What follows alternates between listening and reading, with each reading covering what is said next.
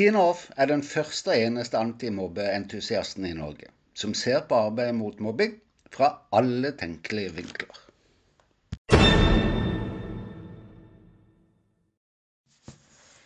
I dag har jeg lovet å slippe dere inn i møterommene slik jeg erfarer de.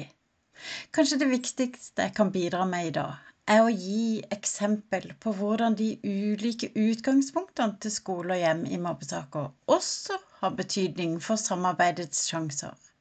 Velkommen til episode 28. Hvordan saken møtes av deltakerne har konsekvenser for saksbehandlingen og samarbeidet mellom skole og hjem, og dermed også for hvordan saken løses eller ikke løses.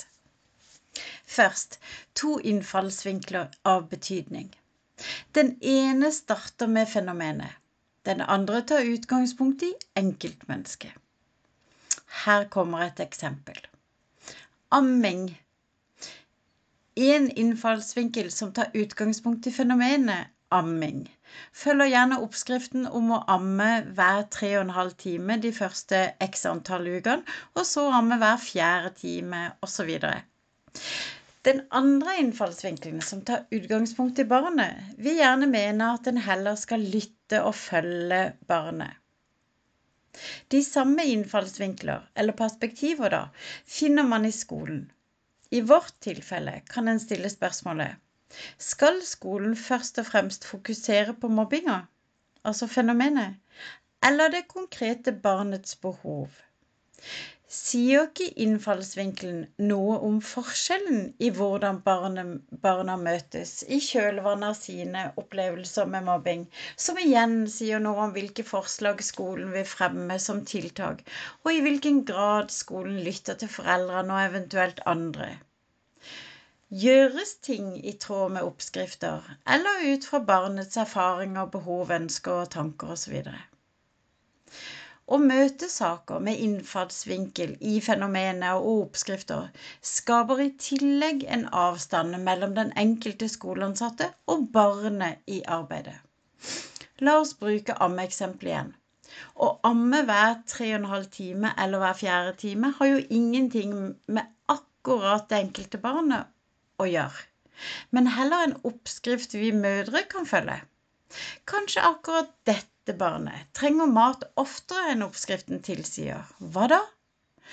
Blir vi frustrerte eller fortvilte over at barnet hyler og skriker den siste halvtimen, ja, kanskje timen før neste ammetid? Er det noe galt med barnet da? Og her er poenget.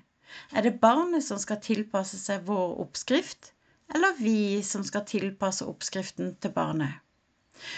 For skolen er det klart enklere, i hvert fall i starten, å ta utgangspunkt i fenomener og faste oppskrifter på hvordan en skal arbeide med barn. Å ta utgangspunkt i det enkelte barn vil kanskje kreve mer i starten, ikke minst erfaring og kompetanse til nettopp å kunne justere oppskriftene etter barnets behov. Allerede før en har satt seg ned på stolen i møterommet, altså kan det være store forskjeller mellom skole og hjem i hvordan saken skal møtes. Skolen med utgangspunkt i mobbing som fenomen og tilhørende oppskrifter for håndtering, og foreldrene med utgangspunkt i barnets behov i kjølvannet av sine mobbeerfaringer. Innfallsvinklene har faktisk stor betydning for saksbehandlingen og samarbeidet. Er man lydhøre for hverandre? Hvilke løsninger fremmes? Makter man å bli treffsikre? Er det vilje til å justere tiltak, osv.?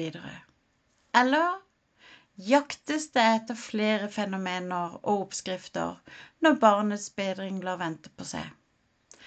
Alle disse forholdene har igjen betydning for hvor langvarig saken blir, hvor komplisert kan ha betydning for barnets konsekvenser, og om saken blir løst. Hvis man er bevisst disse utfordringene, er tydelige og åpne om dem blant de voksne, gjør det det trolig enklere å jobbe i samme retning også. God uke!